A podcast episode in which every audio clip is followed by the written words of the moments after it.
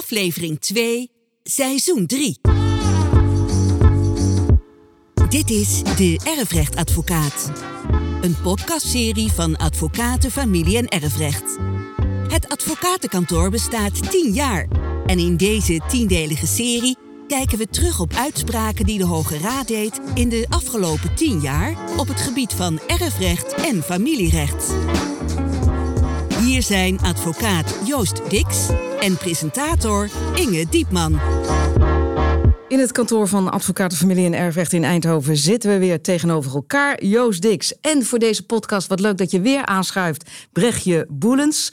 Welkom in jullie eigen ruimte. Gezellig weer, hè? Ja, leuk. Het is heel erg leuk hier in Eindhoven. Maar jullie hebben ook een kantoor in Limburg en Utrecht. Zijn jullie daar veel, Brechtje? Ja, met enige regelmaat uh, komen wij op alle vestigingen. Zeker. Joost, waar ben je het liefst? Ja, dat kan je natuurlijk eigenlijk niet zeggen. Ja, ik je ben, collega's ik ben toch wel een beetje reizend circus hoor. Dus uh, ik, kom, ik kom overal even lief. Ja. We nemen weer twee uitspraken van de Hoge Raad door. Eén op het gebied van familierecht en één erfrechtelijke uitspraak. De Hoge Raad en het erfrecht. 22 mei 2015 doet de Hoge Raad uitspraak betreft stilzwijgende aanvaarding van de nalatenschap. En dat is iets, meen ik, Joost, waar wij in een andere aflevering ook over gesproken hebben. En dat was toen een aflevering met een veelzeggende titel: Onbewust op een landmijn. We gaan het hebben over landmijnen. Misschien even heel kort in herinnering brengen, als je die podcast niet hebt geluisterd.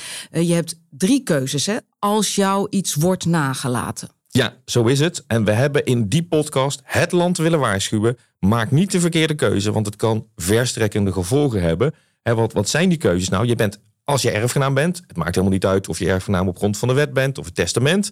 Maar dan heb je ook nog iets te kiezen. Dan kun je zeggen, ik wil er niks mee te maken hebben met die nalatenschap. Ik verwerp het. Dus dan krijg je niks van alle goederen. Je hoeft ook de schulden niet te betalen. Je hebt er niks mee te maken. Je bent geen erfgenaam meer. Zo moet je het zien.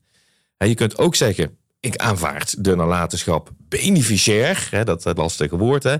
Onder voorrecht van boedelbeschrijving. Wat zeg je dan eigenlijk? Nou, als in de nalatenschap nou eigenlijk een tekort is, dan wil ik niet met mijn privégeld bij hoeven betalen van die schulden van die nalatenschap. Dus je zegt, ik bouw daar een veiligheid in.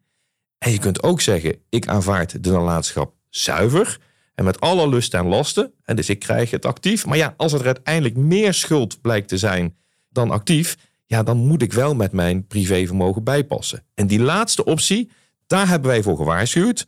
Want je kunt soms door te handelen per ongeluk de nalatenschap zuiver aanvaarden. Als je met geld en spulletjes gaat lopen, wij spreken, je neemt misschien voor 100 euro mee. Maar dan kan het ineens zijn dat je privé een ton moet betalen. Dus dat zijn rampen die heel makkelijk te voorkomen zijn. Dus ik dacht ook toen ik deze zaak las: oeps, oeps, oeps, kijk uit. Want hier hebben we een broer en een zus en die gaan lekker eten in de koperen pan. En die betalen met de pinpas van moeder. Ja, mm. Dat, dat was het verhaal. Nou, we moeten eigenlijk misschien nog een heel klein beetje terug. Hè, want de feiten gaan straks heel erg van belang zijn. Hè, de, hoe de feitjes precies zaten. Die erfgenamen, die kinderen, die moesten de uitvaart van moeder gaan regelen. En die woonden elders in het land. Moeder woonde in Delft. En ze dachten, dat gaan we bij moeder thuis dan nog maar doen. En ze komen daar thuis in die keuken, keukenkastjes leeg. Daar was daar geen kruimel brood meer. En ze hadden toch echt wel wat honger. Ze trekken daar de koelkast open, koelkast leeg, er was niks te eten. Toen dachten ze, nou ja, dan moeten we maar uiteten de koop, naar de koperen pan. En we gaan daar met elkaar eens die uitvaart bespreken. Nou, ik ben er zelf toevallig geweest in de koperen pan. Het is helemaal geen luxe restaurant. Ja, ik kan dat niet laten, Inge, om dan toch eens te gaan kijken. Hoe ziet dat restaurant er dan uit? Het bestaat He? natuurlijk ook. Het bestaat echt, hè? Het bestaat echt. Heel eenvoudig uh, restaurant. En ze gaan dan met hun partners eten. Maar heel gezellig en leuk. Ja, en ze verspijkeren daar voor 119 euro met vier man. Nou, dat is bescheiden. Dat waren uh, de feiten. Maar wat doen ze? En ze pakken niet de eigen pinpas, maar ze pakken de pinpas van moeder. En ze pinnen daarmee. En toen kwam de vraag natuurlijk op ja, hebben ze daarmee de nalatenschap zuiver aanvaard? En je snapt al, er was hier een tekortje in de woedel. He, er was iemand in de familie die zei, hey, ik heb nog iets te vorderen. En ik weet dat jullie daar zijn gaan eten. En er is daar gepind. En toen kwam de vraag eigenlijk op van, ja, is die handeling, dus dat pinnen van die rekening van moeder, is dat nou zo'n daad van zuivere aanvaarding of niet? Brechtje, als zij nou in de Blauwe Eend met een Michelinster waren gaan eten, was dat een andere zaak geweest? Dat zou het oordeel van de Hoge Raad hebben kunnen beïnvloeden. Want in de overweging van de Hoge Raad komt terug dat het een eenvoudige maaltijd was en dat er niet veel kosten zijn gemaakt. Oftewel, de Hoge Raad heeft hier geoordeeld dat er niet zuiver aanvaard is? De Hoge Raad heeft hier naar alle omstandigheden van het geval gekeken en die heel nauwkeurig gewaardeerd. En heeft gezegd dat de uitvaart werd geregeld. Het was een bescheiden bedrag. Er was niks in huis. Ze kwamen van ver af en konden niet zomaar. Dat heeft allemaal meegewogen tot het oordeel dat in dit geval het niet tot een zuivere aanvaarding heeft geleid. Maar dan kan je dus in alle gevallen zeggen: ja, sorry hoor, maar de koelkast was leeg. Niemand die het controleert.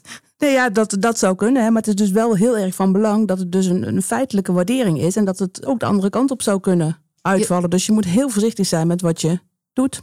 Joost, wij hebben het volgens mij in een eerdere podcast gehad over die wet BETS of BETOS. Ja, mag stond alle- dat ook alweer Mag voor? allebei, hè? Ja. Mag allebei, hè? Bescherming erfgenamen tegen schulden hè? of bescherming erfgenamen tegen onverwachte schulden.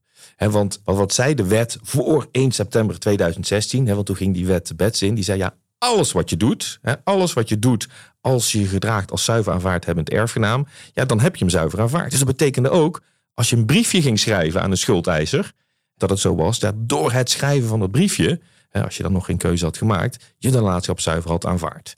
Toen heeft de wetgever gezegd, hè, want er kwamen allerlei artikelen in de Telegraaf, dat allerlei mensen van in de twintig hè, ineens eh, eh, eh, levenslang aan enorme schulden vastzaten, omdat ze per ongeluk een zuiver hadden aanvaard. Toen zei de wetgever, we moeten dat wat verzachten.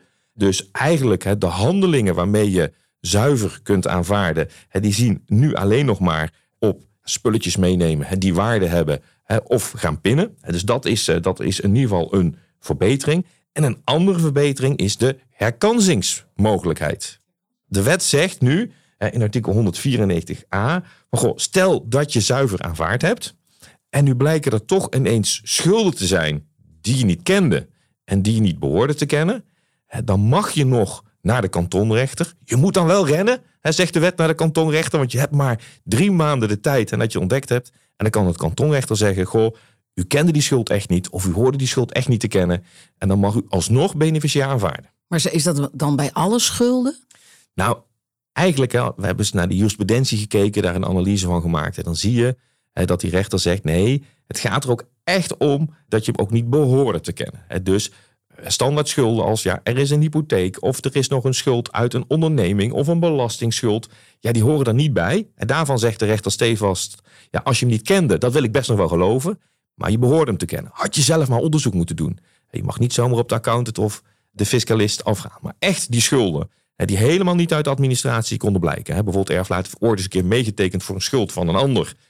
Kon je echt niet zien. Dan zegt de rechter, ik mat je met de hand over het hart. En dat je dan alsnog beneficiair mag aanvaarden. En in dit geval, jij vindt dit een hele leuke zaak, hè, Brechtje? Die Ja, nou ja, leuk, leuk, leuk. Eh, dat vind ik een beetje vreemd om te zeggen over zaken waar mensen overlijden. Maar het is zeker een spraakmakende zaak en een, een belangrijke zaak. Zeker omdat de consequenties zo groot kunnen zijn of iemand nu wel of niet blijkt zuiver aanvaard te hebben. Dus wat zie je, en even een slok koffie, heerlijke koffie overigens hier bij Advocaten Familie en Erfrecht. wat zie je dan gebeuren, ook hier aan tafel, na deze uitspraak van de Hoge Raad? Nou, ik denk dat de contouren duidelijker zijn geworden wanneer je wel of niet zuiver aanvaardt. Je hebt meer mogelijkheden gekregen om te voorkomen dat mensen eh, zuiver aanvaard hebben om, om dat te weerleggen. Maar je ziet ook dat je heel voorzichtig moet blijven. En de wet BETS heeft daar natuurlijk nog wat meer duidelijkheid over gebracht. Omdat het dan nog vooral gaat om het echt benadelen van schuldeisers. Hè. Dat mag je niet. Ja, en laten we vasthouden, het is ontzettend simpel op te lossen. Dus na zijn overlijden, hè, gewoon een verklaring beneficiaire aanvaarding afleggen. Hè. Formuliertje op rechtspraak.nl naar die rechtbank. En dan eh, ben je beschermd. Dan moet misschien de laatste appel vereffend worden. Daar gaan we het ook nog over hebben. Maar dan ben je beschermd en niet zomaar aan de slag gaan met die nalatenschap. Ja, dus denk nu niet van, oh, ik kan die pinpas van moeder die overleden is of van vader die overleden is, sowieso nu meenemen. Nee, want kijk alleen maar naar welke discussie deze mensen hebben gehad. Hè. Ze zijn uiteindelijk bij de Hoge Raad terechtgekomen. Dus deze discussie wil je überhaupt al niet. Dus, Joost, wat is de rechtsregel die de Hoge Raad hier heeft geformuleerd? Nou, de rechtsregel is: het kan zijn dat je zuiver aanvaardt door met geld of spullen te gaan lopen. Maar in hele uitzonderlijke gevallen is er een uitzonderingetje mogelijk. En bijvoorbeeld als de kosten rechtstreeks terug te brengen zijn tot het regelen van de uitvaart en het ook nog redelijke kosten zijn. Maar ik zeg er meteen bij, beste mensen, beste luisteraars, neem geen risico's. Dan familierecht. We gaan terug naar 29 mei 2015. De Hoge Raad en het familierecht. Dit is wel een bijzondere zaak. Hè? We hebben twee minderjarige kinderen. En die willen heel graag een bijzondere curator. Even voor de leek, zoals ik. Waarom is een curator, eh, of in welk geval is een curator bijzonder? Of is dat gewoon een term die jullie gebruiken? Dat is een term die we gebruiken. Hè. De term curator zie je vooral ook terug uh, bij functionementen. En dit is duidelijk een uh, curator met een andere functie. En wanneer spreek je van een bijzondere curator dan?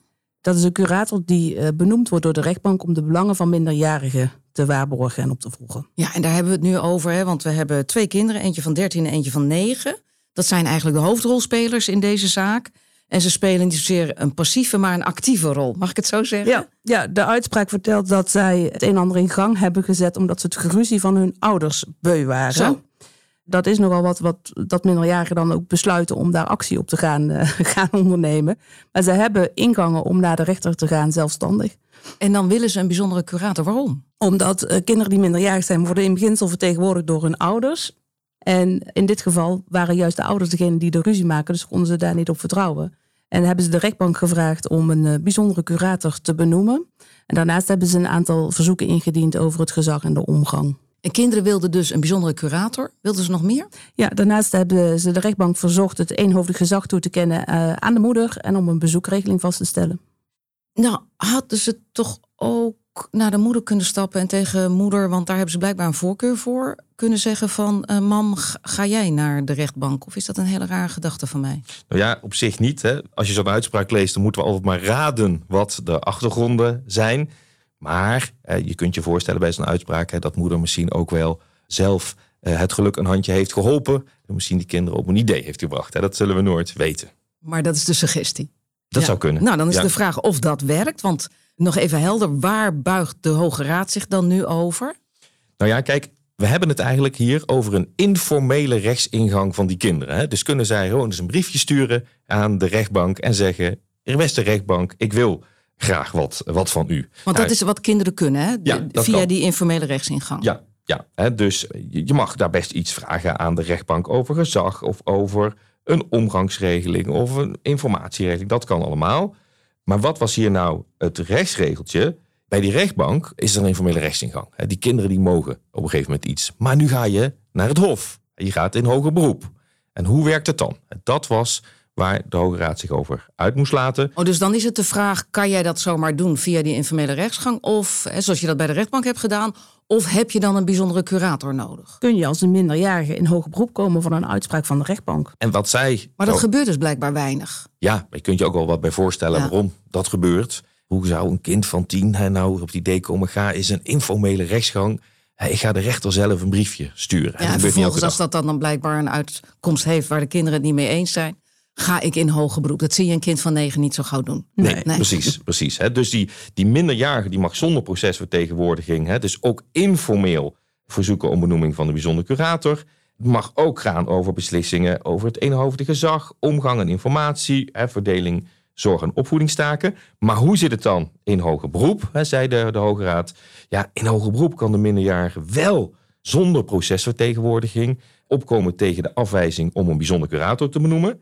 Maar andere verzoeken, nee, zo werkt het niet, hè, zei de Hoge Raad. Andere verzoeken, daar heb je toch echt. Maar dan eh, heb je er toch niks aan als kind? nou ja, daar heb je de bijzonder curator voor nodig, hè, zegt de Hoge Raad. Hè. Tegen andere beslissingen moet je vertegenwoordigd worden door een wettelijke vertegenwoordiger of een bijzonder curator. Want dan is de Hoge Raad ineens streng. En dan zegt de Hoge Raad, ja, het is een formele proceshandeling, zo'n hoger beroep. Hè, dat, kan, dat kan een kind niet, niet zomaar. Dus Dus als ik nou dat kind van negen ben, Brechtje, en jij bent mijn advocaat. Ja, dan kun Wat je, is dan de gang? je kunt in appel komen tegen de afwijzing van de benoeming van de bijzonder curator. Dus zeg je, eh, Hof, je moet wel een bijzonder curator eh, benoemen om mijn belangen te behartigen. En als het Hof dat verzoek dan toewijst, kan die bijzonder curator weer verder gaan daar waar het gaat over het gezag, de omgang. En dan kan je uiteindelijk die, eh, waar vroegen ze ook weer om, bijvoorbeeld het eenhoofdig gezag van eh, de moeder. Dan zou dat wel uiteindelijk geregeld kunnen worden. Ja. En dus bijzonder deze uitspraak, hè, kun je enerzijds van zeggen van goh, waar bemoeiden die kinderen zich precies helemaal mee? Nou, met hun eigen levensgeluk volgens Met hun mij. eigen levensgeluk, ja, maar hou vast, hè, het waren best nog wel jonge kinderen. Hè. Dat snap ik heel goed. Maar hadden die ouders dat niet zelf uit moeten vechten? Of is het misschien toch een beetje ook over die rug van die kinderen uitgevochten? Is daar het geluk een handje geholpen? We zullen het nooit weten. Maar in ieder geval goed om Want te het weten. kan ook een manier zijn als moeder om via de kinderen de vader uit te spelen. Precies. Maar het kan net zo goed, dat weten we dus niet, een noodkreet geweest zijn van die kinderen. Die ouders die maken er echt een potje van. We sturen eens een briefje aan de rechter. Misschien kan die ons helpen. Dus wat is hier de rechtsregel die de Hoge Raad heeft geformuleerd, Joost? De rechtsregel is, hè, kinderen hebben een informele rechtsingang bij de rechtbank. Dat mag bij het Hof dan ook nog wel gaan over de bijzondere curator. Maar andere zaken, zo werkt het niet. Daar geldt de officiële procesvertegenwoordiging. Is leuk hè, Brechtje, om op deze manier over je vak te praten. Wat fijn Ja, dat weer erg leuk. aanschoof. Ja. Ja. dankjewel. Dankjewel Joost Dix en Brechtje Boelens. Dit was de Erfrechtadvocaat. Voor wie niet alleen wil luisteren, maar ook wil lezen over familie- en erfrecht, gaat naar familie-erfrecht.nl, de website van Advocaten Familie- en Erfrecht. Daar is ook alle informatie te vinden over het inschakelen van een erfrecht- of familierechtadvocaat. Mocht u willen reageren op deze podcast, stuur dan een e-mail naar info@familie-erfrecht.nl.